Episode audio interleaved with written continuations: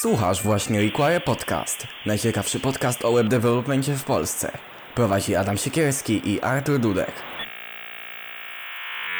Cześć, witamy Was w kolejnym odcinku Require Podcast, odcinku 19, w którym chcemy Wam trochę opowiedzieć o podstawach JavaScriptu, o tym, czego należy się nauczyć, by móc pójść dalej, umiejąc już HTML i CSS i mając tam jakąś podstawową wiedzę na temat języka, języków programowania.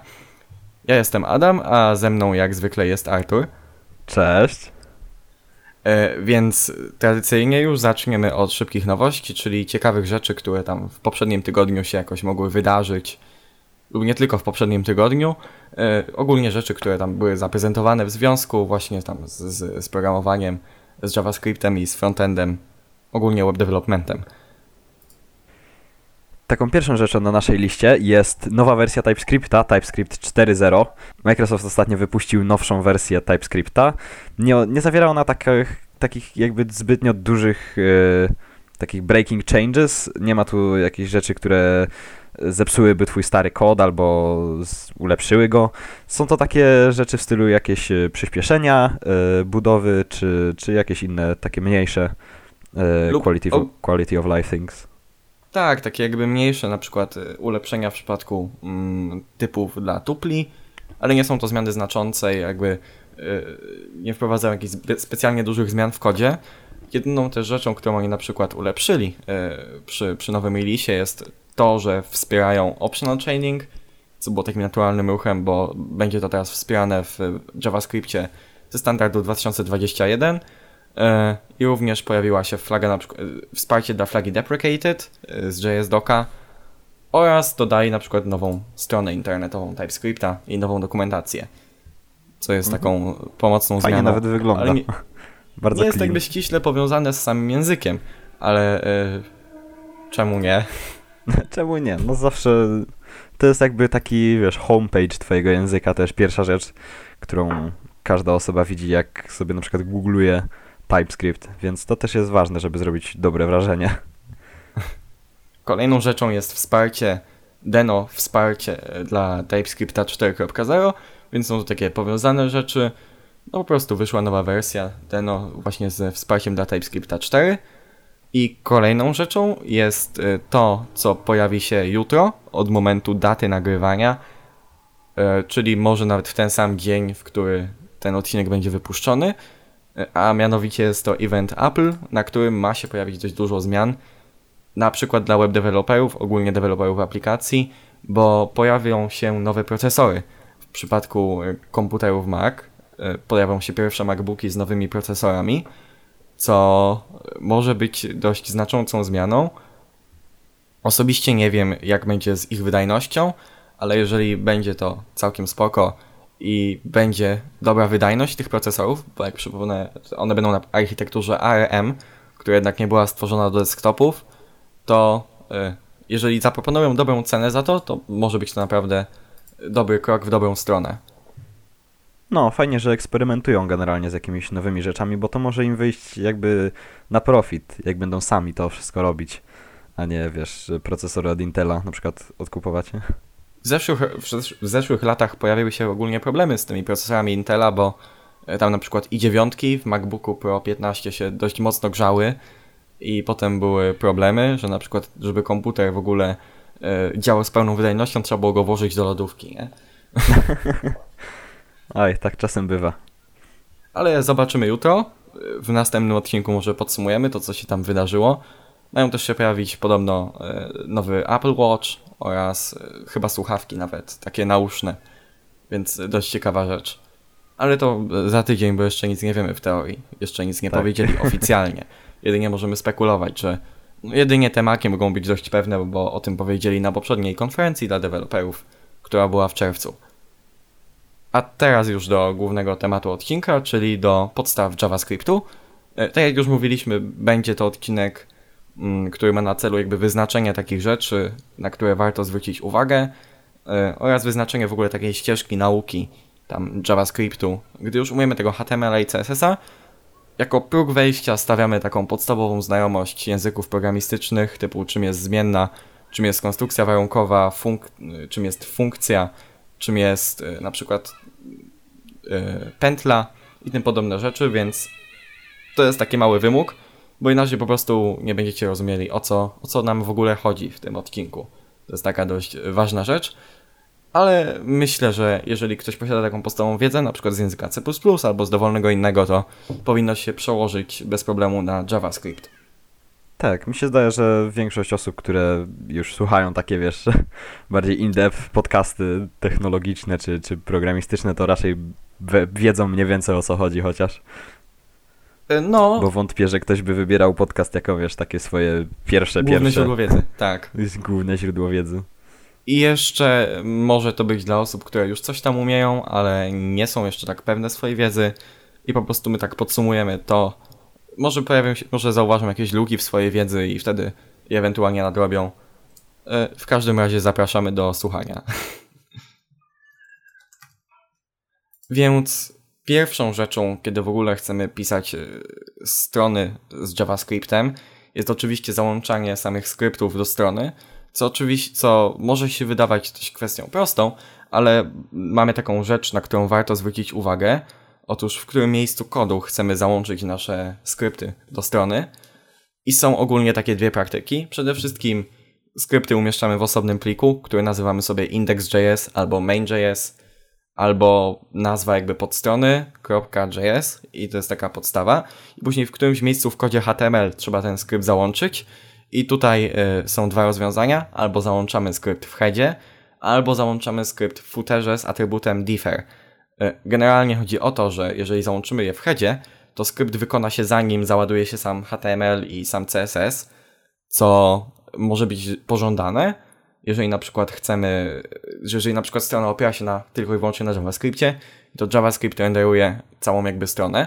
Natomiast jeżeli y, powiedzmy, że mamy jakieś tam elementy w HTML-u, w CSS-ie i potem chcemy dodać do nich interaktywność przez na przykład dodawanie eventów, no to wtedy zamiast korzystać z window onload, czyli takiego eventu, który oczekuje aż cała strona się załaduje, po prostu umieszczamy skrypt w footerze i dodajemy do niego atrybut defer, dzięki czemu e, jakby to, co znajduje się wewnątrz pliku JS zostanie odpalone dopiero wtedy, kiedy cała treść strony się załaduje, co jest dość pomocną rzeczą.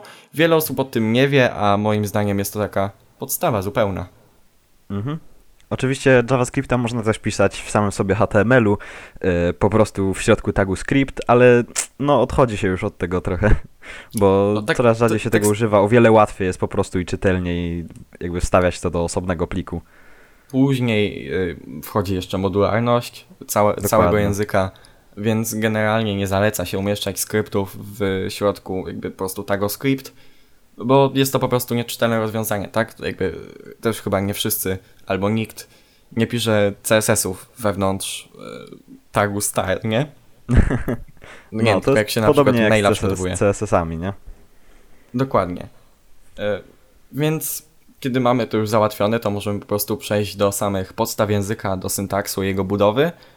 No i taką podstawą zupełną są oczywiście zmienne. E, Chyba nie musimy nikomu tłumaczyć, na czym one polegają i czym są.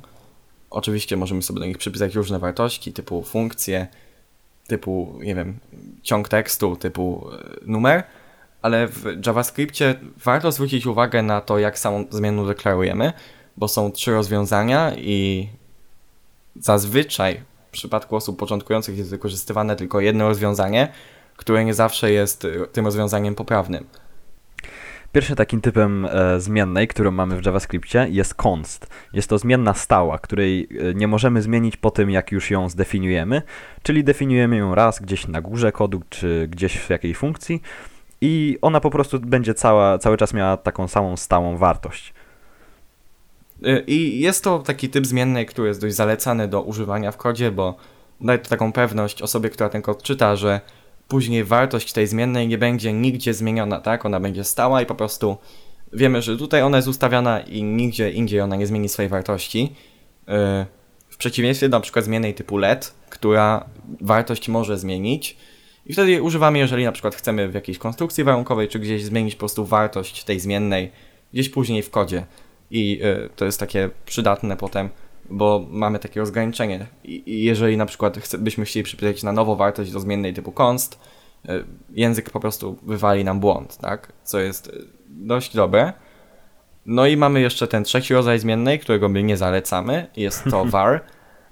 Używało się tego kiedyś, obecnie nadal to ma swoje prawo istnienia i w niektórych przypadkach może się sprawdzić, ale generalnie w 99,9% przypadków lepiej skorzystać ze zmiennej const albo let.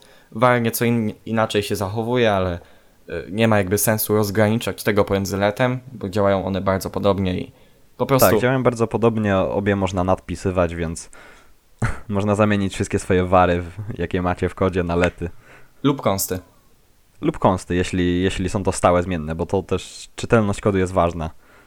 Tak, y, to jest, taka, to jest takie ulepszenie, które weszło w- roku 2016 do, do języka. Później mamy funkcje, których też chyba nie trzeba nikomu tłumaczyć. I do funkcji mamy również takie y, dwie rady od nas, albo jedną, która jest y, jakby podradą drugiej. Więc mamy przede wszystkim od roku 2016 rozgrze- rozgraniczenie na dwa rodzaje funkcji. Funkcje deklarowane za pomocą keyworda function, później nazwa funkcji, później argumenty i jej ciało. I mamy też arrow functions, które są takim e, cukrem syntaktycznym, czyli po prostu są takim ułatwieniem w kodzie, który może tam zwiększyć jakoś jego styl, e, czy jego długość na przykład.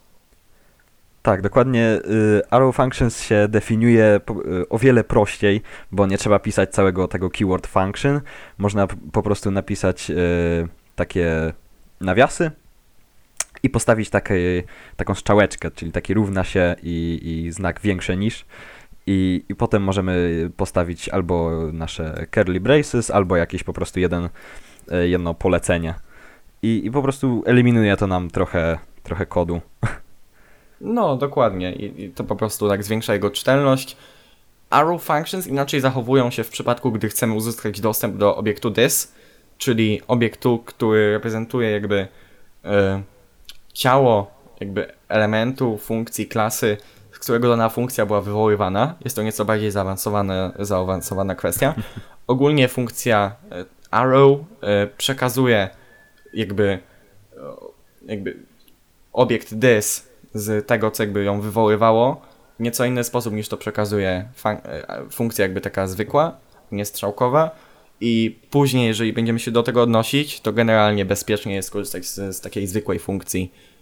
Chociaż czasami też są przypadki, w których lepiej skorzystać z arrow, nie? Jakby, jakby jak będziemy chcieli się odnieść, do czego będziemy chcieli się odnieść, wtedy skorzystamy z takiego typu funkcji. Później mamy konstrukcje warunkowe, przy których e, mamy taką jedną rzecz, na którą chcielibyśmy zwrócić uwagę, a jest to, e, a mianowicie różnica pomiędzy jakby w operatorach równości, w znakach równości, operatorach porównania, chyba tak to się mówi po polsku. E, Ogólnie w JavaScriptie możemy sobie porównać za pomocą dwóch znaków równości lub trzech znaków równości, tak? Jeżeli chcemy sprawdzić, czy jedna wartość jest równa drugiej. E, I tutaj bardziej zalecane jest korzystanie z trzech znaków równości, ponieważ one sprawdzają, e, jeżeli dokładnie jest taki sam dany obiekt, dana, nie wiem, zmienna, natomiast dwa operatory równości są jeszcze w stanie nam skonwertować typ, czyli na przykład mamy 5 wewnątrz e, jakiegoś ciągu tekstu i mamy 5 wewnątrz, 5 jako po prostu numer. No to dwa operatory równości spowodują, że dodatkowo te typy się zamienią, żeby były tym samym typem i dopiero później się porówna, czy, czy jakby wartość jest tak, taka sama. I jest to niezalecone rozwiązanie, ponieważ w niektórych miejscach może być to niepożądane, żeby dochodziło do takiej konwersji typów, więc generalnie lepiej pisać kod z trzema operatorami równości w konstrukcjach warunkowych. Tak, bo potem jakieś operacje matematyczne czy coś, jak y, wywołamy y, plus, operator plus, czyli na przykład dodanie jakiejś y, cyfry do jakiejś innej cyfry, to może nam wyjść, że no będą problemy generalnie później w kodzie, bo będziemy próbowali, będziemy myśleli, że dodajemy dwie cyfry, a się okaże, że jedną z nich jest string i będzie to nam tworzyć po prostu stringa. O, no na przykład, dokładnie. Yy, To jest taki przykład z życia wzięty, tak? Że dodajemy sobie 5 do czegoś innego i, nie sp- i sprawdziliśmy sobie tym operatorem tylko dwój, jakby podwójnym, przez co będziemy próbowali dodać do stringa jakiś numer, no i wtedy JavaScript nie doda nam jakby, już nie, do, już nie dojdzie do tego jakby konwersji typów i otrzymamy w rezultacie yy, otrzymamy w rezultacie po prostu stringa z, z dwoma piątkami, nie? A 5 plus 5 to nie jest 55, tylko to jest 10. Tak, dokładnie, bo jakby tekst też dodaje się taką samą jakby metodą jak e, cyfry czy, czy jakieś liczby, też plusem po prostu. Więc należy po prostu na to zwrócić uwagę. Jest to z takich podstaw zupełnych, y, takich przybudowy języka, to gdzie są tam popełniane błędy to jest wszystko. I kiedy mamy jakby ogarnięty taki sam podstawowy syntaks języka, to możemy przejść sobie do operacji na drzewku DOM. E, niektórzy już może mieli z tym do czynienia, ale ogólnie jeżeli chcemy ingerować w JavaScriptie w to, jak strona wygląda, w to w ogóle, co się na stronie znajduje, to musimy korzystać jakby z operacji na drzewku DOM. Drzewku DOM, czyli y, drzewku po prostu komponentów, elementów HTML na stronie. No i można sobie podzielić tę operację na trzy części. Na po pierwsze pobieranie elementów, po drugie aktualizowanie tych elementów i po trzecie tworzenie nowych elementów. Zacznijmy może od pobierania, bo żeby w ogóle cokolwiek zacząć robić, musimy dany element sobie pobrać, by móc na nim operować. Tak, mamy kilka różnych takich e, metod pobierania naszych właśnie elementów z tego drzewka DOM, z tego HTML-a. Najpopularniejszą chyba właśnie metodą jest query selector, taka funkcja document.querySelector. E, do niej możemy przekazać po prostu tag albo klasę, tak jak e, w CSS-ie ją sobie piszemy, czyli razem z kropką albo razem z hashtagiem i on nam zwróci po prostu dany, dany element, który chcemy właśnie. To jest takie najprostsze rozwiązanie, i ono powinno być moim zdaniem używane wtedy, jeżeli chcemy pozyskać jeden element i to jakby jest takie rozwiązanie, które jest najbardziej czytelne. Kiedyś się na przykład korzystało z get element by ID i nadal wiele osób z tego korzysta, bo y, te osoby pochodzą tam powiedzmy ze starszych kursów, y, słuchały, na przykład, oglądały jakieś stare kursy, no i wtedy się tego korzystało, obecnie to wyszło z mody, korzysta się po prostu z Query Selector. Y, jeszcze mamy Query Selector All, który zwróci nam tablicę na przykład elementów, które spełniają y, właśnie query, czyli takie jak w CSS-ie wpisujemy, tak? Na przykład kropka, nie wiem, nazwa klasy. No to wtedy nam zwróci tablicę tych elementów, a nie tylko ten pierwszy element o danej klasie. Tak, i takim też odpowiednikiem tego get element by ID dla klas, y, jeśli ktoś na przykład chce wiedzieć, to jest get element by class name z czym też miałem trochę problemów kiedyś, jak zaczynałem z JavaScriptem, to nie wiedziałem, jak się brało właśnie elementy za pomocą klas i próbowałem robić get element by class i nie działało, więc takim odpowiednikiem dla, dla get, get element by ID jest get element by class name. Dokładnie. I to są oczywiście wszystko właściwości obiektu DOM, który jest dostępny jakby globalnie wewnątrz y, JavaScriptu. I po prostu wywołujemy sobie no właśnie tą funkcję document.querySelector. Ta funkcja nam zwraca mm, jakby po prostu obiekt elementu w HTML-u i możemy sobie przypisać do zmiennej, tak? I wtedy zmienna będzie nam jakby reprezentować ten dany element w, w JavaScriptie, czy tam dany element z HTML-a właśnie w tym JavaScriptie i później możemy sobie na nim operować, na przykład zmieniać jego atrybuty, zmieniać jego style albo zmieniać to, co znajduje się w jego wnętrzu. E, no na przykład zacznijmy od atrybutów. E, to, to jest dość prosta modyfikacja. Po prostu mamy dany element jako zmienną. Przyjmijmy, że ona się nazywa EL. E, to wtedy, jeżeli chcemy zmodyfikować jakiś atrybut, który jest tam wpisany do niego w HTML-u, czyli powiedzmy sobie pobierzemy jakiś link za pomocą query selector i chcemy powiedzmy zmienić href tego linku, żeby on się odniósł w jakieś inne miejsce i chcemy to zrobić za pomocą JavaScriptu, no to wtedy mm, bierzemy sobie ten dany link, y, czyli ten el.href równa się i po prostu zmieniamy tą wartość w JavaScriptie. Nie jest to żaden problem, to wszystko się po prostu samo ogarnie i, i mamy po prostu zmodyfikowane href dla, dla tego linku. Możemy też modyfikować style, korzystając z element.style. Nazwa tam po prostu właściwości w CSS-ie. Jest to przydatne przy na przykład animacjach, gdzie musimy sobie animacje wytajmować. Y, one są jakieś powiedzmy bardziej zaawansowane. Albo na przykład ma się zmienić jakaś wartość w stylach na jakimś evencie na batonie, a nie chcemy na przykład po prostu dawać kolejnej klasy do danego elementu. Tak, też taką rzeczą, która sprawi, że możemy sobie bardziej reaktywnie korzystać z tego JavaScriptu, czyli y, interaktować właśnie z tym, z tym frontendem, z tym jak to użytkownik y, na to spogląda, y, jest aktualizowanie samej sobie treści, czyli na przykład tekstu, czy jakichś elementów, na przykład w środku jakiegoś diva, na przykład, powiedzmy. M- Najprostszą chyba taką e, metodą zrobienia tego jest e, taki property jak inner text, czyli każdy element ma swój po prostu inner text, który możemy e, nadpisać tak jak zwykłą zmienną, po prostu równa się i możemy wstawić jakikolwiek tekst chcemy. Dokładnie. Później można na przykład modyfikować samą jakby zawartość HTML-a e, za pomocą property inner HTML, co nie jest aż tak zalecane, bo zaraz o tym powiemy, jak sobie tworzyć elementy za pomocą API JavaScriptowego, ale do podstawowych zastosowań, gdy mamy pełną kontrolę nad kodem, to to, to wystarczy.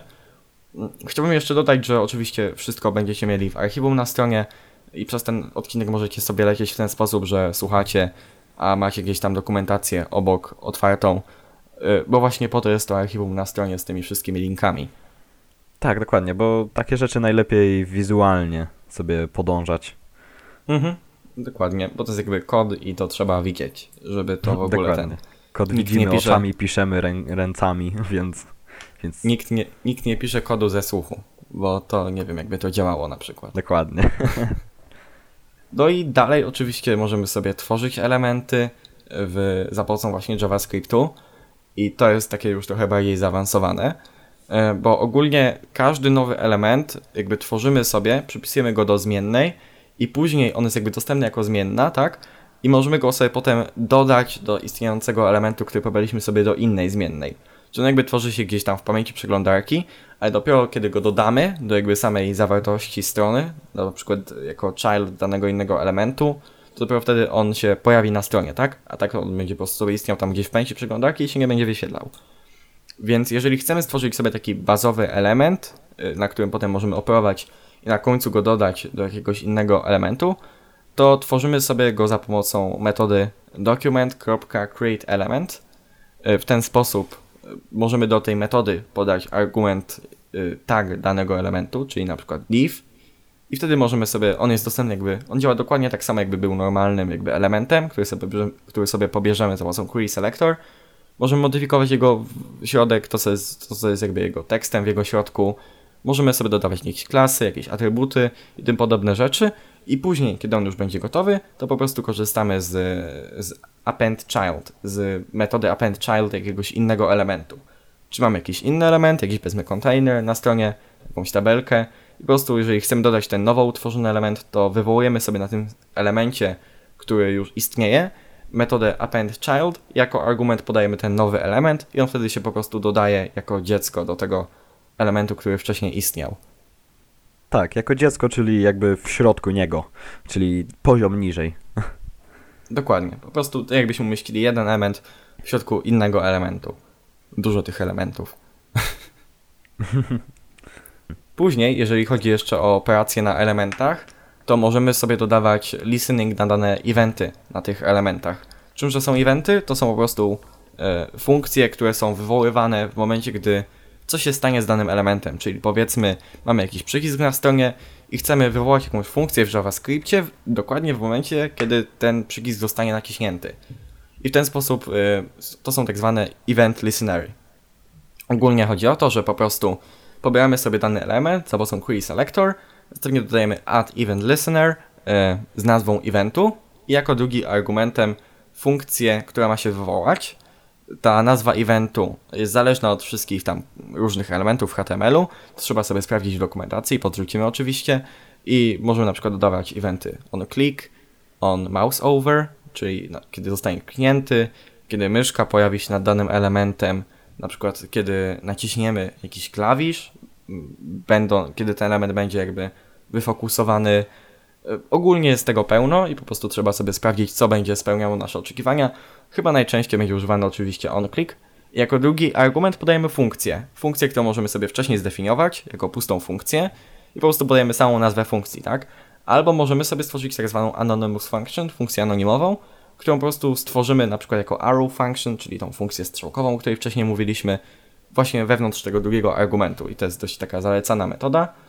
Zostanie przekazany również obiekt eventu jako argument i dzięki temu możemy na przykład sobie usunąć, y, jakby zatrzymać to, co miałoby się domyślnie wywołać. Na przykład jeżeli mamy jakiś formularz, dodamy sobie do niego event listener na za, zasubmitowaniu tego formularza, to zamiast przekierowywać nas na inną stronę, możemy sobie jakby zatrzymać to, co by to się typowo wykonało na tym evencie i po prostu wykonać jakiś tam JavaScript, który my sobie zdefiniujemy w tej funkcji.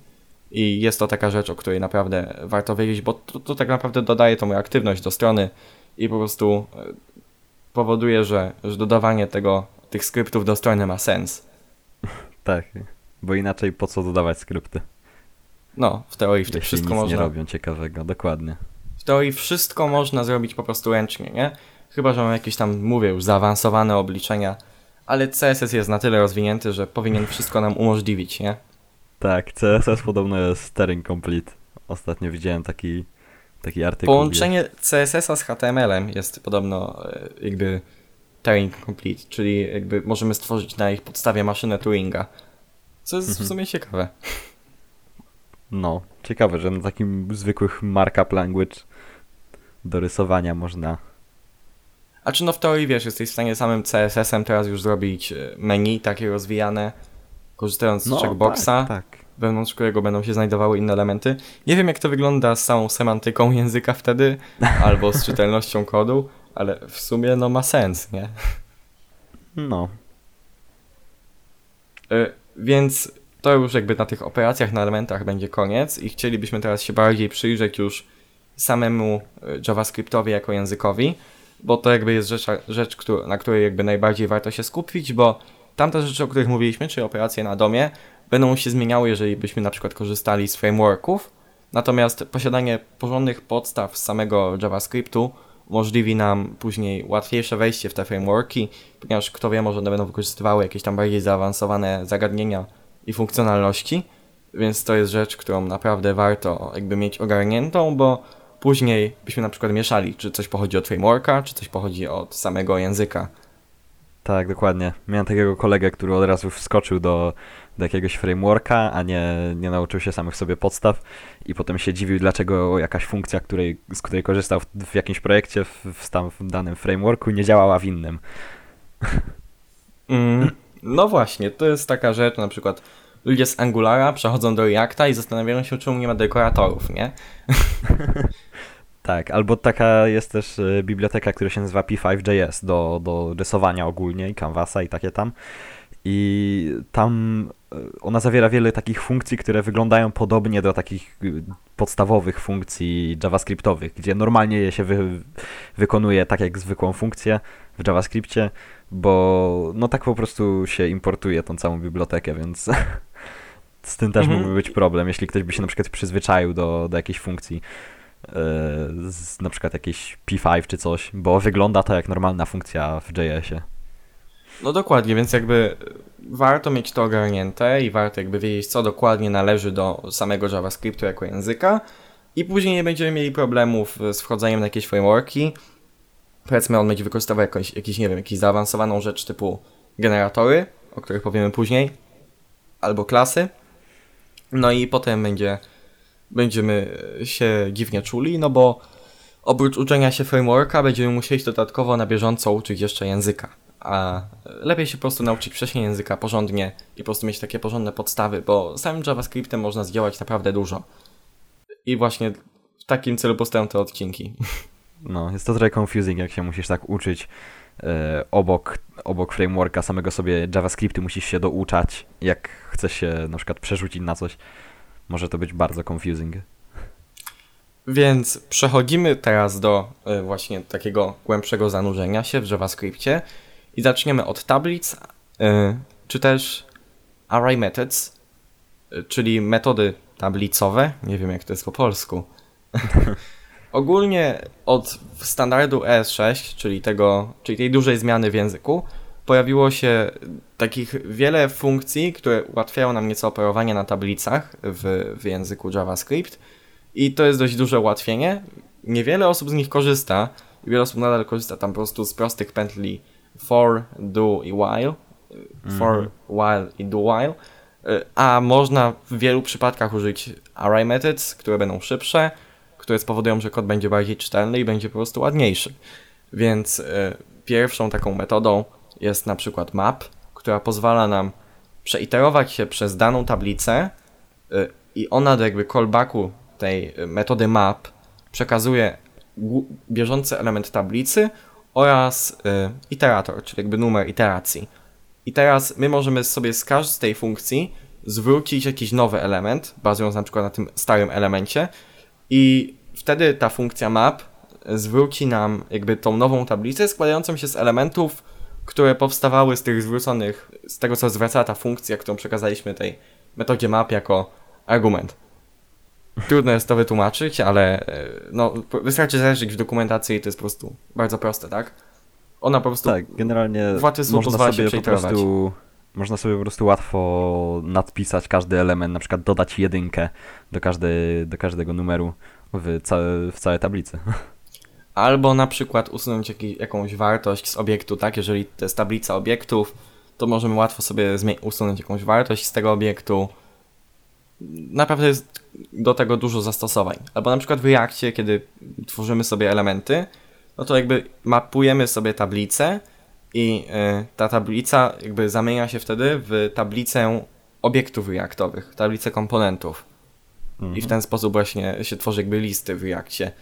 Jak później się dojdzie do Reacta, to, to, to będziecie mogli się o tym dowiedzieć i, i właśnie znając to, czym jest tablica, czym jest metoda map, już jakby to nie będzie tajemnicze, skąd to się wzięło po prostu. Dalej mamy na przykład metodę filter, która służy do po prostu filtrowania tablicy. E, ogólnie dostajemy również, jakby metoda iteruje się przez tablicę, e, podaje swojemu callbackowi, czyli jakby funkcji, którą przekażemy do tej metody map, do tej metody, przepraszam, filter, przekazuje jakby element z tablicy i teraz e, jeżeli ta funkcja, którą jej przekażemy zwróci true, to ten element w tej tablicy zostanie, ale jeżeli zwróci false, to, to, to ten element z tablicy usunie. Czyli po prostu służy do filtrowania tablicy, tak? tak takim wielkim skrócie. To są takie rzeczy, które są praktycznie w większości języków, mi się zdaje. Po prostu działają trochę inaczej, w zależności od języka. Ale warto o tym wiedzieć, bo, bo wiele osób z tego nie korzysta, a tych metod jest naprawdę dużo i my nie wymienimy oczywiście wszystkich, tylko wymienimy teraz takie nasze ulubione po prostu. Tak, dokładnie. Takie, które naj- przydają się najczęściej. Dokładnie. Później mamy na przykład metodę push, metodę pop i metodę shift. E, metoda push służy do dodania nowego elementu do tablicy na jej początku. Metoda pop służy do usunięcia ostatniego elementu tablicy, dobrze mówię? Mm, chyba tak, nie jestem pewien szczerze mówiąc. To później sprawdzimy. E, później mamy na przykład metodę shift, która usuwa pierwszy element z tablicy. Mamy jeszcze metodę unshift, która pozwala nam dodać nowy element na końcu tablicy. Czyli e, jeszcze raz, push dodaje na początku, pop usuwa na końcu, shift usuwa na początku i unshift dodaje na końcu.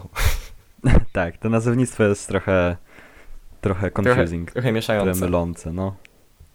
Potem mamy jeszcze metody na przykład slice i splice, które pozwalają nam przeciąć tablicę na przykład w połowie na danym po prostu miejscu w tablicy, tak? Na przykład chcemy mieć tylko dwa pierwsze elementy z tablicy, po prostu sobie używamy metody slice, by tą tablicę przeciąć na drugim miejscu i po prostu zwróci nam to tablicę po prostu z dwoma e, pierwszymi elementami z tej pierwszej. Możemy również do, do slice podać y, liczbę ujemną, co pozwoli nam na przykład wziąć dwa, dwa elementy od tyłu, trzy elementy od tyłu i tak dalej, i tak dalej. Jest to po prostu bardzo przydatna funkcja. Na przykład można za z jej pomocą stworzyć na przykład paginację na stronie, no i to myślę, że to jest chyba wszystko z takich naszych podstawowych funkcji, z podstawowych array methods. Jeszcze wam tutaj podrzucimy link do, do dość zabawnego filmiku na YouTubie na temat właśnie array methods. Tak. No dobra, ale mówiliśmy jeszcze o iterowaniu przez tablicę i w tym celu wykorzystujemy ogólnie pętle, tak? Które pozwalają nam tam wykonać jakiś po prostu e, kod wielokrotnie. Mamy te podstawowe pętle for, while i do while. Chyba ich nie musimy tłumaczyć, bo to się powtarza w prawie każdym języku. Natomiast chcielibyśmy zwrócić na uwagę na jakby sposób iterowania się przez pętle, iterowania pętlami się przez tablicę. Możemy oczywiście skorzystać z i.map, ale y, równie dobrze można skorzystać na przykład z iterowania się przez tablicę za pomocą zwykłej pętli for. I wtedy podajemy sobie for, y, let nazwa elementu, który e, ma jakby być za każdym razem, nazwa zmiennej, do której ma być za każdą iteracją przypisywany bieżący element z tablicy, in lub off, w JavaScriptie to nie ma znaczenia, i nazwa tablicy. I w ten sposób jesteśmy w stanie się jakby w łatwy sposób iterować przez tablicę. Również podrzucamy link do dokumentacji, y, to jest jakby proste i na, wiele osób z tego nie korzysta, co mnie również nieco dziwi. I jest to chyba zainspirowane Pythonem, mam takie wrażenie. Tak. W Pythonie dokładnie tak samo się iteruje właśnie przez tablicę, więc jeżeli ktoś pochodzi z Pythona, to, y, to będzie to dla niego po prostu znane i, i proste. Generalnie pętle for są chyba e, takim podstawowym, podstawową metodą e, pętli w większości językach. W większości języków. Jakby są chyba najbardziej czytelne, tam te pętle Tak, while i do dokładnie. while są takim moim zdaniem trochę przeżytkiem. I nie osobiście nie pamiętam, kiedy ostatni razem korzystałem z pętli while albo do while. Chyba z No. do while ostatnio korzystałem generując sobie ID-ki w, w, do bazy danych w MySQL-u. A, no tak. Dlatego się korzysta z MongoDB, który automatycznie generuje ID-ki. Tak, polecamy MongoDB, najlepsze, NoSQL. Jak ktoś chce się dowiedzieć więcej na temat pisania backendu, to odcinek odcinek 13. No, zapraszamy. Ale to trzeba znać trochę podstaw JavaScriptu, bo tam wszystko bazuje na JavaScriptie i to w Node, i to w Node, więc jest trochę bardziej zaawansowany temat. Tak, dokładnie. Kolejną taką rzeczą, e, o, których, o której chcielibyśmy Wam opowiedzieć trochę, to są obiekty. Obiekty można sobie o nich pomyśleć jako o takich zbiorach zmiennych, gdzie ka każdy obiekt może mieć swoje własne jakieś właściwości, czyli nazwę właściwości, key i e, jego jakby przypisaną e, wartość, czyli value. Z definicji jakby obiekty są po prostu, po prostu e, zbiór, par, klucz i wartość. O, dobrze No. powiedziałem. Więc jakby wartością może być cokolwiek, funkcja jakby dowolna, zmienna, może być również inny obiekt, co pozwala nam tworzyć dość ciekawe struktury danych. Również ze względu na to, że JavaScript jest e, w ogóle nie jest typowanym językiem, tam te typy są znikome, to nie jest TypeScript, to nie jest Strongly Type Language, to jesteśmy w stanie w bardzo prosty sposób tworzyć sobie zaawansowane struktury danych. Czy to jest dobrze, czy to jest źle, nie wiem, aczkolwiek powoduje to, że jest bardzo proste stworzenie takich zaawansowanych struktur danych. Nie na przykład jak w językach, które są silnie typowane, tak? Że musimy jakby z góry zdefiniować, jak na przykład Go. W Go, e, jak na przykład przesz- przeszedłem na chwilę do Go, no to tam zupełnie mi się wszystko zaburzyło, bo po prostu jak tam tworzyć struktury danych, tak? W JavaScript po prostu sobie tworzę prosty obiekt i tyle. Tak, Ale o my wiele nie o tym? to jest. Dokładnie, ale my nie o tym, bo chcielibyśmy trochę powiedzieć o porównywaniu obiektów w ifach, bo szok i niedowierzanie nie da się tego zrobić normalnie. to znaczy, JavaScript wykorzystuje takie rzeczy jak Object Reference i Object Copy. Yy, I ogólnie chodzi o to, że korzystając z obiektu jako struktury danych, tak, czyli po prostu te dwie klamry, no nigdy nie będziemy w stanie stworzyć, yy, jakby nigdy nie będziemy w stanie porównać dwóch obiektów, czy one są takie same, bo zawsze JavaScript odniesie się do komórki w pamięci, a zawsze dla nowego obiektu tworzy jakby osobną kopię, tak? To nie jest referencja do istniejącej jakiegoś tam, istniejącej komórki, komórki w pamięci. Y, Więc porównując obiekty, musimy po prostu skorzystać z jakiegoś ID-ka, z jakiegoś identyfikatora danego obiektu. Mhm. Obiekty w JavaScriptie są też e, mutowalne, można zmieniać ich wartości, czyli na przykład e, bardzo e, bardzo prosty so, sposób możemy sobie wyjąć jakąś wartość, czyli na przykład nazwa obiektu kropka wartość jakaś i nadpisać ją sobie tak jak robimy normalnie zmienną, czyli równa się i jakaś nowa wartość, może to być cyferka, jakiś tekst. Tak, aczkolwiek e, również warto zauważyć, że obiekty w JavaScriptie można spowodować były niemutowalne, tak? Czyli że nie będziemy mogli jakby modyfikować samego w sobie obiektu. Są ku temu pewne powody. Kiedyś byłem na prezentacji właśnie dotyczącej tego, dlaczego warto czynić obiekty niemutowalnymi. E, Jakby stwarza to pewne bezpieczeństwo w kodzie i w JavaScriptie można to zrobić w dość prosty sposób. Korzystamy z, z, jakby z funkcji object.freeze i przekazujemy jej ten obiekt, który chcemy jakby zamrozić, tak? Żeby on nie był mutowalny, żeby nie można było go mody- modyfikować. To jest taka ciekawostka, bo nie jest to przydatne tam w podstawach y, pisania kodu, Też osobiście chyba raz tylko z tego skorzystałem, ale warto wiedzieć, że można coś takiego zrobić i można do tego nawiązać, mówiąc właśnie o mutowalności obiektów w, w JS-ie, nie? Tak, kolejną rzeczą są takie funkcjonalności, które dosyć zrewolucjonizowały e, JavaScripta ostatnio i które rozpopularyzowały e, nazwę, frazę ES6, ES6. Może ktoś słyszał kiedyś? E, ES6 to była taka aktualizacja do, do JavaScriptu, która wprowadziła pełno takich bardzo ciekawych, fajnych e, funkcji, funkcjonalności, które, do których, z których korzysta się do dzisiaj i, i bardzo, bardzo często się spotyka, szczerze mówiąc. Weszło to w roku 2015, mm, a tak na stałe się to zamieściło w roku 2016. E, jakby zostało to podbite tym, że JavaScript jakby został ustandaryzowany jako język ECMAScript, e, wszedł już na stałe jakby Node.js i pojawiły się pewne potrzeby w tym języku, których on wcześniej jakby nie potrzebował, bo wcześniej to był po prostu prosty język skryptowy, a teraz pojawiły się potrzeby, bo on zaczął być używany do wszystkiego, do aplikacji desktopowych, do aplikacji mobilnych, do stron internetowych. Całe jakby strony internetowe były pisane w JavaScriptie przez właśnie frameworki do JavaScriptu.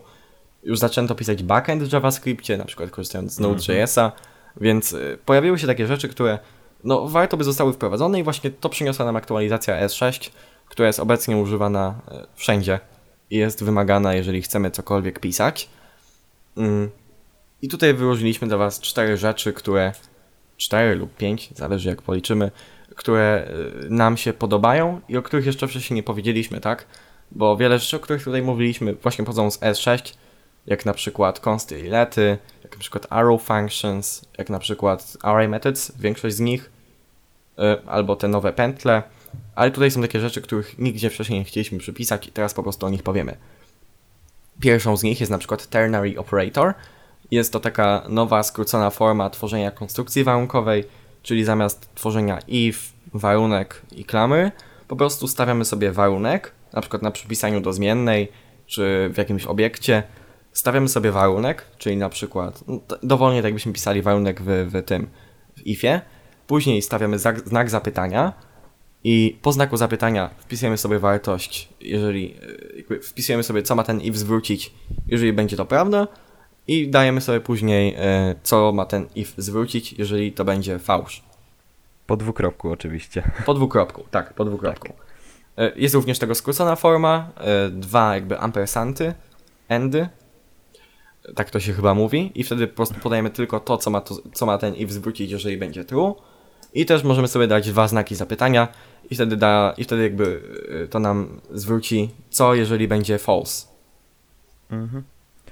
Tak, i to właśnie ułatwia bardzo takie inline yy, sprawdzanie, że nie musimy wstawiać sobie całego ifa od razu, tylko w jednej linii możemy to ładnie zrobić, na przykład przy przypisywaniu jakiejś e, nowej yy, wartości, albo przy ustawianiu jakiegoś tekstu, na przykład yy, tak jak chcemy zmodyfikować sobie jakiś tekst z drzewka DOM, to też ładnie to można zrobić wszystko w jednej linii, bez niepotrzebnych ifów i, i curly braces, więc Pamiętam jak się uczyłem Vue i dowiedziałem się o ternary operator skorzystając z jakby przy VIF, przy takiej e, dyrektywie e, i tak się w sumie wtedy e, zapowietrzyłem, jak to zobaczyłem, bo to takie, o wow, to jest takie ładne. Tak, ja z tego korzystałem już od jakby dawna, nawet nie wiedząc jak to się nazywa i co to jest. I potem jak widziałem, że jacyś duży ludzi, duzi ludzie, duzi youtubery, youtuberzy mówili o tym i tak... e, się- Się, tak, się ekscytowali tym e, i, i opowiadali ludziom, że, że muszą tego używać, to tak się zdziwiłem o co chodzi, halo. I potem, dopiero potem się dowiedziałem, że to się nazywa ternary operator, bo A to- jakby a to często. korzystałem z tego nieświadomie. A to często, na Tak. przykład przy przygotowaniach nawet tego odcinka się tak dowiedziałem o tam jednej rzeczy, o której powiemy później, że o, to ma nazwę. Tak, ja po prostu z dokładnie. tego korzystałem, tak po prostu. E, dobra, przejdźmy już dalej e, do klas. E, kolejną rzeczą właśnie, którą wprowadziło S6 są klasy w JavaScriptie. Kiedyś się tak trochę kombinowało z funkcjami, żeby to się zachowywało jak klasy, ale oczywiście to nie było to. Mm, Obecnie po prostu możemy sobie stworzyć klasę normalnie tak w każdym innym języku, czyli po prostu klas, nazwa klasy, dajemy konstruktor, dajemy metody, dajemy właściwości i wszystko ładnie działa. Nawet są wspierane statyczne metody. Wszystko tak jak w językach normalnie object oriented. E, Klasy mogą również ekstendować inne klasy, czyli inheritować albo no, dokładnie jakby rozszerzać inne klasy. Y, Jakby jeżeli ktoś chce zgłębiać Object Oriented Programming, to kiedyś stworzymy na ten temat odcinek właśnie porównania na przykład y, paradygmatu funkcyjnego i paradygmatu obiektowego. Ale to nie teraz, po prostu powiemy wam, że klasy są i warto o nich wiedzieć. Dokładnie, no bo jakby to jest wszystko to samo, co w jakichś innych językach, które są strictly object oriented. Dokładnie, tak nie tłumaczyliśmy czym jest zmiana, tak nie będziemy tłumaczyć czym jest klasa. No Tutaj dokładnie. jakby zbytnio na co zwracać uwagi, bo ta klasa w JavaScriptie działa dokładnie tak samo jak klasy w innych językach, nie? Tak, i jakby moim zdaniem nie wprowadza to aż tak dużego zamieszania, to że e, są tak rozdzielone te, te funkcje i klasy, że można z obu rzeczy korzystać, bo bardzo podobnie się z tego korzysta, moim zdaniem, w JavaScriptie. Mhm. To, ta, ta, ta linia taka wyraźna, jak się widzi na przykład, e, jak się przechodzi z e, czegoś w stylu Python do na przykład e, C Sharpa, nie jest już aż taka wyraźna, jest bardziej zamazana w tym JavaScriptie. Bo JavaScript wspiera wszystkie paradygmaty, nie? C Sharp to jest typowa obiektówka, Python Tak, jest taki dokładnie. trochę mieszany, a na przykład przejście między C Sharpem a językiem typowo funkcyjnym, jak na przykład Haskell, to będzie duża różnica. A JavaScript jakby może pisać i to, i to, i to jest dość fajne. Później mamy na przykład generatory, ge- generator functions, czyli jakby taka funkcja, której którą na przykład, która jakby może zwracać wiele wartości za kolejnymi jakby i kolejnymi wykonaniami, ale jakby ona jest w stanie pamiętać te poprzednie wykonania. Y, I właśnie nazwa pochodzi od generatorów, bo jakby możemy, y, powiedzmy, wywołujemy sobie funkcję raz i potem funkcję generatorową możemy zwrócić jeszcze raz, wywołać jeszcze raz. Jakby ona, jakby z punktu widzenia tej funkcji nadal będzie jakby wywoływana, tylko ona jakby zatrzyma swoją, e- e, swoje jakby uruchomienie. Y, Jest to dość ciężkie do wytłumaczenia i trzeba to po prostu zobaczyć. E, Warto jakby zauważyć jedynie, że zamiast operatora return do zwracania jakiejś wartości z funkcji korzystamy z operatora yield. E, Jakby to jest zapożyczone z Pythona, jeżeli ktoś tam korzystał z tego w Pythonie, to wie o co chodzi. W JavaScriptie może z tego skorzystałem z, nie wiem, może trzy, la, trzy razy. Jeden takie Tak, real world zastosowanie. Nie jest E, to, to jakieś jest- takie powszechne moim zdaniem. Mhm. Bo jakby to nie ma zbyt wielu zastosowań. Jedyne takie zastosowanie, jakie zauważyłem w, w JS-ie, y, gdzie się korzysta właśnie z, z generatorów, jest e, Redux Saga, taka biblioteka do dodawania middleware'ów do Reduxa, czyli tam biblioteki do zarządzania state'em w Reactie. Kto wie, ten wie. Więc e, jakby możemy się temu przyjrzeć, żeby potem właśnie korzystając na przykład z Redux Saga e, się tego, żeby, nie było zdziwienia, nie? O co chodzi, e, skąd to się wzięło. Tak. Kolejną rzeczą taką, o której chcielibyśmy też wspomnieć, są REST operatory i spread operatory. E, chodzi tu o generalnie e, operacje na tablicach e, albo obiektach.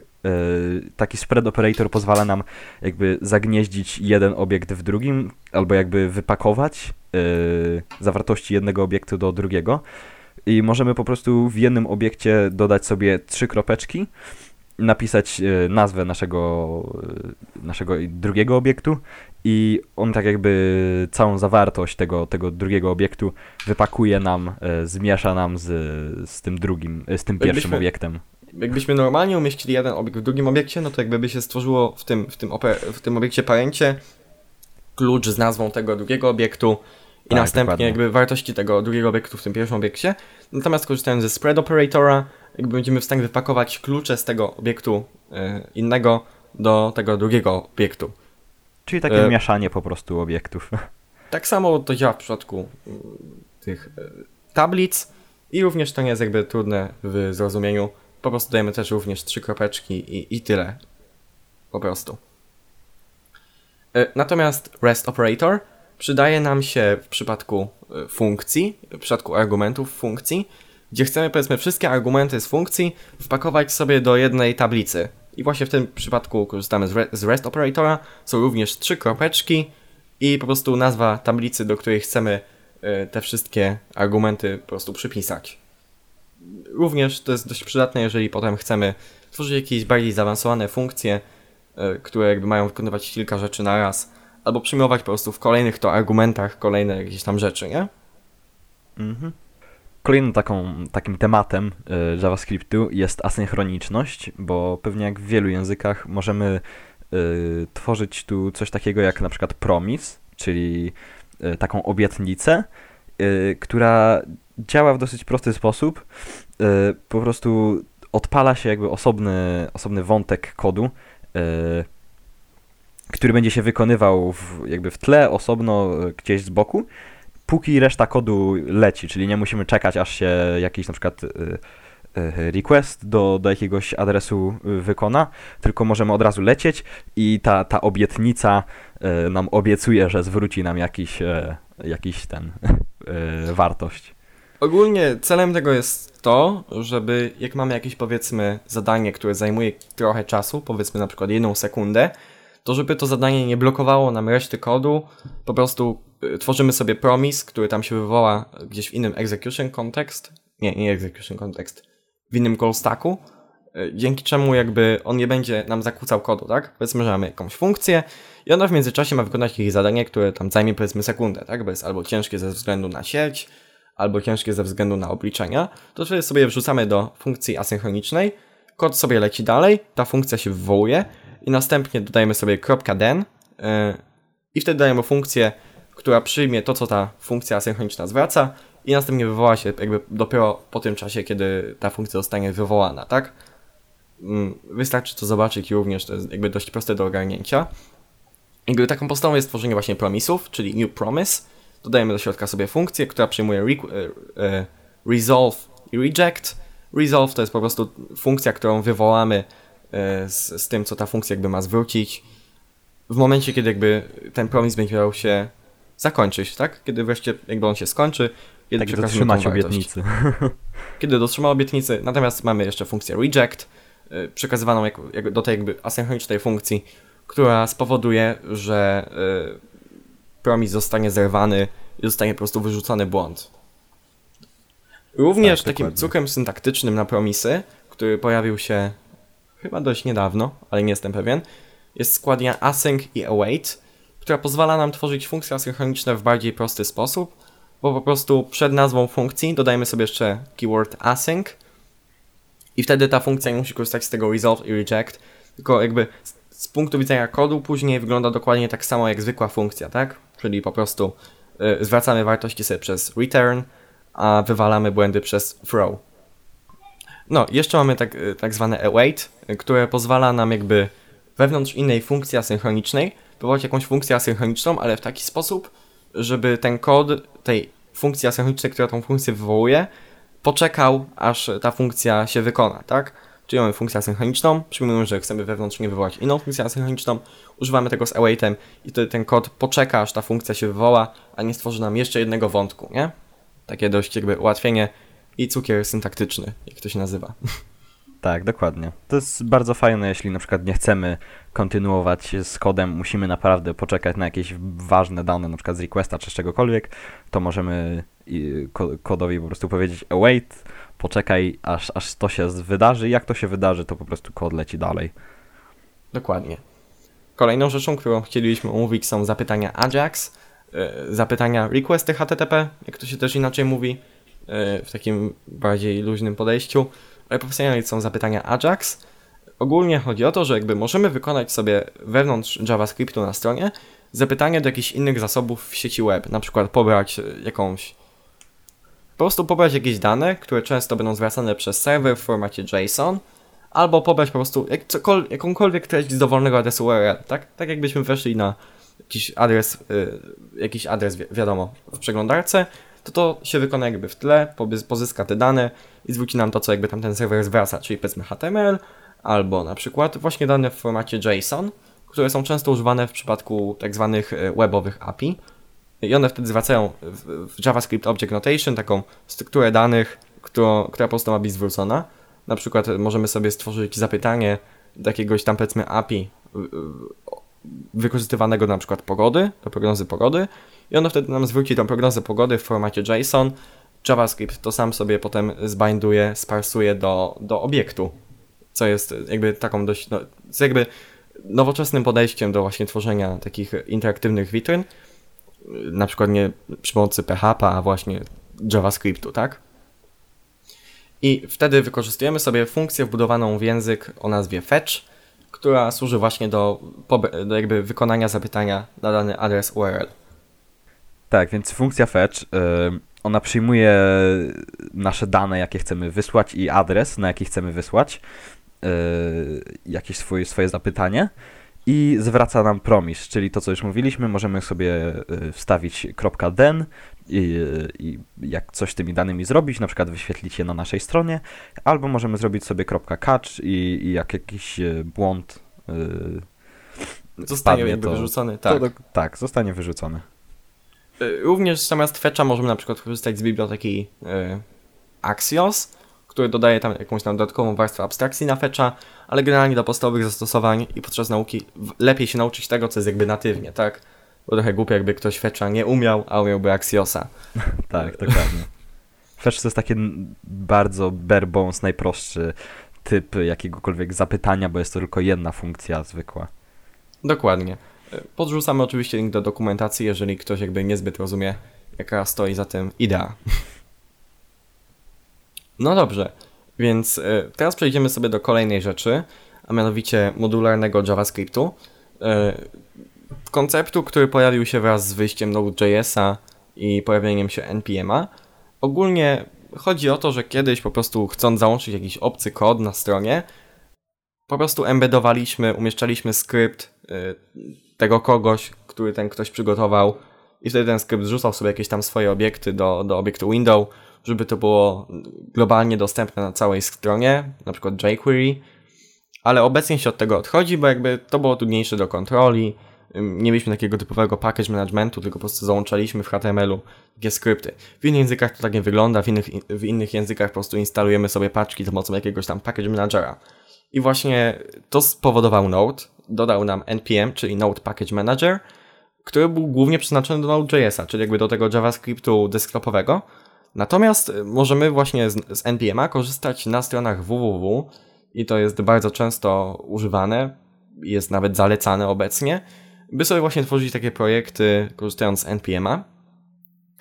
Y, Dodaje to nam jakby nowy syntaks do JavaScriptu, który jest import coś tam from nazwa paczki albo inny plik. Generalnie pliki JavaScript zamiast byciem po prostu zwykłymi skryptami stały się swego rodzaju modułami, które mogą eksportować jakieś funkcje, jakieś obiekty albo zmienne i wtedy jesteśmy w stanie po prostu importować te zmienne funkcje czy obiekty z tych innych plików. Jest to zupełnie inne podejście do JavaScriptu i to trzeba po prostu zrozumieć pisząc kod i to widząc. E, Takie jakby od strony teoretycznej e, jeszcze chcę powiedzieć, że by móc korzystać na stronach internetowych z, z paczek z NPM'a, musimy korzystać z module bundlerów, czyli takich specjalnych programów, powiedzmy, które będą w stanie nam te paczki e, załączyć, jakby zbudować, e, do jakby, wbudować jakby w nasz kod strony, tak? Bo jakby przeglądarka nie zrozumie jakby tego importu natywnie, więc musi być program, który jakby ten kod z tej zewnętrznej paczki wrzuci nam do środka naszego skryptu JavaScript, by następnie przeglądarka była w stanie to zrozumieć. Yy, I co musicie wiedzieć? Damy wam takie dwa module bundlery, z których my korzystamy, jesteśmy zadowoleni. Pierwszym z nich jest Parcel, taki najprostszy, którego polecamy do nauki, bo jakby nie wymaga w ogóle konfiguracji, po prostu go odpalamy i działa. I drugą rzeczą jest Webpack. Nie będziemy zbytnio zgłębiać tematu samego NPM'a, bo to jest temat rzeka i na zupełnie inny odcinek i jeszcze byście w ogóle nie zrozumieli, o co jakby chodzi. Tak.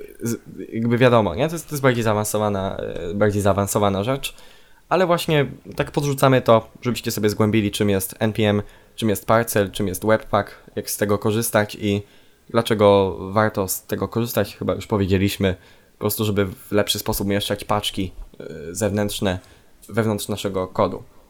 I myślę, że to jest chyba taki koniec tych podstaw. E, Jeszcze chcielibyśmy powiedzieć trochę o tym, co dalej, e, o tym, skąd się tak uczyć tak podstawowo, bez przygotowania inny odcinek o nauce, źródłach nauki. I później poczekajcie z nami do końca, bo wam powiemy o pewnej nowej rzeczy od nas, e, o której chyba też napiszemy gdzieś indziej, ale jakby tutaj trochę o niej więcej powiemy, więc polecamy poczekać osobom, które jakby nie chcą wiedzieć co dalej i nie chcą wiedzieć materiałów nauki, to, to później coś jeszcze będzie od nas. Tak, dla tych, którzy nie chcą się więcej uczyć, nie chcą poszerzać horyzontów, to możecie skończyć pod koniec, a tak to mam jeszcze taki announcement mały, bo pracowaliśmy Ale to później. razem z Adamem. To później. Tak, to później. Teraz powiemy, co dalej, tak? Powiedzmy, że ogarnęliście sobie tą wiedzę z tego odcinka. To będzie oczywiście to w notatkach. Możecie sobie zacząć pisać na przykład backend, aplikacje desktopowe, aplikacje CLI za pomocą Node.jsa. Możecie się nauczyć na przykład TypeScripta, czyli takiego rozszerzenia składni JavaScriptu, który dodaje do niego typy. Typy to jest takie coś, co możecie znać na przykład z, z takich języków jak C Sharp. Po prostu powoduje on, że, że JavaScript staje się nagle strongly typed language, co powoduje, że Tak, będzie tak. na przykład lepsza czytelność kodu, ale wymaga to trochę nauki i kod staje się nieco większy i tu jakby trudniejszy w pisaniu, wymaga to większej wiedzy, ale, Ale, później to się odpłaci mniej jakością kodu. I potem to ułatwia na przykład też y, debugowanie kodu, nie? Pisanie, z types, pisanie w, type, w TypeScriptie. Tak, dokładnie. No i potem możemy się jeszcze uczyć frameworków, nie? Typu React czy Vue, o których już były odcinki. Tak, dokładnie. Polecamy, bo to jest chyba właściwie większość y, JavaScriptu w dzisiejszych czasach to są po prostu frameworki, bo bardzo dużo się pisze po prostu stron w samym sobie JavaScriptie, czyli po prostu na przykład React albo Vue albo Gatsby, jakieś inne. O Polecamy. samych zaletach Mamy, framework... O samych zaletach frameworków jeszcze kiedyś porozmawiamy, nie? Tak, dokładnie. Mamy kilka jeszcze takich odcinków właśnie odnośnie e, rzeczy w stylu Gatsby na przykład albo Vue. Więc e, jakby polecamy sobie po prostu e, później to ogarnąć, nie? Jeżeli już się jakby nauczymy się tego, o czym powiedzieliśmy w tym odcinku. Tak, dokładnie. Node jest chyba taką podstawą, jeśli chodzi o jakby kontynuowanie tego swojego rozwoju w JavaScriptie. To jest taka kolejny krok, który musimy podjąć, jeżeli chcemy Chyba się tak. czegokolwiek dalej nauczyć, dokładnie. No bo większość, reszta rzeczy jakby opiera się na NPM-ie na przykład, albo na, na Node, więc to jest właśnie, Mhm. E, Albo Deno. jest- jeśli ktoś chce w TypeScriptie. O, Ale też warto. Node'a ogarnąć, zanim się Deno Nie no, Node na pewno na początku, nie? Przed Deno. Tak, dokładnie. To jest takie jakby podstawa podstaw, jeżeli chodzi o, o jakby dalszą naukę. Dokładnie.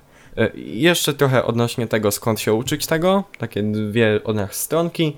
MDN Web Docs, e, czyli Mozilla Developer Documentation. Mozilla Web Developer Network. Mozilla Developer Network, o. E, Prosto, Tak. To jest po prostu taka oficjalna chyba dokumentacja po prostu całej sieci web, całego JavaScriptu, wszystkich standardów, czego, co Tak, jak oni działa. To, I z niej będziemy generalnie zdokumentowali i genialnie to zdokumentowali i opisali wszystko. I właśnie z MDN-u będziemy zamieszczać tutaj linki.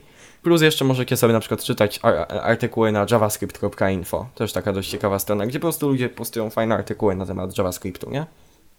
Tak, to są też takie interaktywne tutoriale.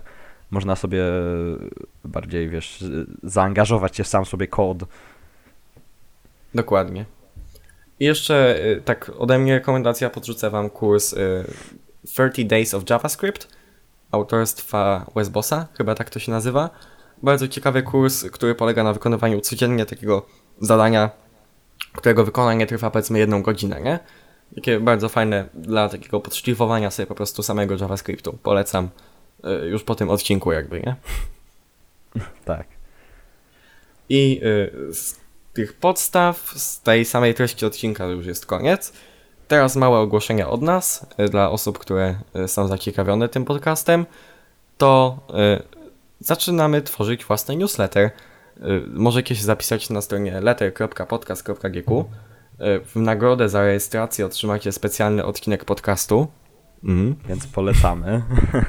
Nie mówimy na jaki temat, zobaczycie jak się zarejestrujecie. tak, jest to niespodzianka. niespodzianka. Polecamy się zapisać, co tydzień będziemy wysyłać taki po prostu mały list z, na, na wasze skrzynki mailowe z taką po prostu z pewną ilością wiedzy, z taką małą dawką motywacji do, do, do tam y, siadnięcia, usiądnięcia do kodu. Więc no, y, polecamy się zapisać. y, Uczucie 10 na 10. Tak, tak. Taką główną motywacją do tego było właśnie e, zrobienie takiego mniej więcej planu B, jeżeli e, coś nie wypali odnośnie nagrywania, bo zawsze może jedna osoba chociaż nagrać to, jeżeli drugiej nie pasuje. e, albo na przykład jeżeli jest głośno w domu i nie można nagrywać z jakiegoś powodu, to, to można To sobie wtedy- coś zawsze napisać i przeczytać bez, bez głosu. To wtedy będzie coś jakby od nas taki właśnie newsletter, a kiedy odcinek będzie, to newsletter może być na przykład uzupełnieniem danego odcinka podcastu. Tak, bo jest Zobaczymy, też pełno różnych rzeczy, które, których, o których nie mówimy, bo można by tu mówić przez kilka godzin, no, o, na przykład o jednej prostej rzeczy, więc Dokładnie. E, Więc no, jeszcze mamy do Was e, jeszcze jeden segment od nas, czyli fajne rzeczy, czyli rzeczy, które tam ostatnio jakoś odkryliśmy, nam się spodobały i postanowiliśmy, że Wam o nich powiemy. E, Zacznę ja. Ja ostatnio odkryłem dość ciekawe rozszerzenie do VS Code'a Markdown Preview GitHub Styling, które daje nam style z GitHuba, jakby do Markdowna, e, style jakby z GitHuba i pozwala nam je umieścić wewnątrz tego domyślnego preview markdownowego wewnątrz Visual Studio Code. Bardzo fajne rozszerzenie, polecam. E, możecie sobie Mhm. zajrzeć, oczywiście podrzucam link. to ciekawe. Mi się zawsze podobały te, to, te style markdownowe, to jak e, GitHub to wyświetlał, więc to jest, to jest naprawdę ciekawe. Jakby możemy sobie po prostu zobaczyć, jak, jak GitHub będzie wyświetlał ten nasz, to nasze readme, nie? Na przykład. Tak, dokładnie, bo ja zawsze miałem taki problem, że inaczej wyglądało to w moim preview w VS Code, a, a inaczej w tym, w Mhm. GitHubie, więc, bo to też style się trochę różnią. Dokładnie. A ty co? E, masz do zaoferowania w tym tygodniu? Ja ostatnio, pisząc taką, e, taką apkę, taki, taki web app, odkryłem taką dosyć prostą, ale bardzo fajną paczkę, która się nazywa Ordinal. E, pozwala ona nam po prostu jakby dostać ten, ten sufiks, e, te, to co powinno być po liczbie porządkowej w języku angielskim, czyli na przykład first albo second, po prostu z samej cyfry. Jest to generalnie bardzo proste, ma, ona oferuje tylko dwie funkcje. Jedna, gdzie przekazujemy po prostu samą liczbę i ona nam daje y, tekst, czyli y, na przykład 11th, 12th, 13th, y, Liczby first, porządkowe, second nie? i tak dalej. Takie po liczby polsku. porządkowe właśnie. I, Pozwalam, no. I no. I taką drugą funkcją właśnie jest y, indicator, która y, po prostu zwraca nam sam w sobie ten sufiks, Ten czyli, sufiks. Mhm. czyli ST, ND i takie tam TH. I to jest tylko po angielsku, nie ma tego po polsku, ale przydatna paczka. Takie rozwiązania warto właśnie z paczek sobie wziąć. E, e, Po, po co samemu takie coś pisać, na tym zastanawiać, nie? No, bo jest to jakby dosyć proste, że jakbym chciał napisać taką paczkę, to okej, mógłbym to napisać, ale, ale jest to jakby tak fajne, że, że można sobie po prostu zainstalować taką paczkę i ona to robi za ciebie. A Module Bundler doda ten kod jakby, sam, samą jakby funkcję, którą zaimportujemy, nie? Co jest taką dużą... tak, dokładnie. O, Module Bundle po prostu patrzy na co, co, z czego korzystamy, bo nie będzie całej paczki, całego kodu od razu No, pakował i dokładnie. wysyłał przez internet, tylko weźmie ten nasz właśnie tą funkcję, czyli na przykład e, ten ordinal i, i nam e, ją spakuje. Ładnie. No dobrze, więc dziękujemy Wam za słuchanie tego odcinka. Możecie polecić podcast jakimś tam znajomym czy komuś. Możecie zasubskrybować nas na YouTubie. Czasami wypuszczamy tam, jakby na YouTube'a odcinki trafiają z, z małym opóźnieniem. Zawsze najszybciej pojawiają się oczywiście na platformach podcastowych. Zapraszamy na naszą stronę, zapraszamy do zapienia się do, do newslettera. Zapraszamy do pobrania naszej aplikacji, która już niedługo pojawi się w sklepie Play. E, Tak, dokładnie. Zapraszamy do naszego Discorda, jak chcecie tam jakąś propozycję na przykład dać. Mamy listę propozy- mamy jakby listę, sami mamy my- listę jakby pomysłów na odcinki, ale jeżeli macie jakiś pomysł, który chcielibyście tam usłyszeć w jakimś odcinku, to dajcie znać oczywiście. No cóż, y, dziękujemy za słuchanie. Do widzenia. Cześć!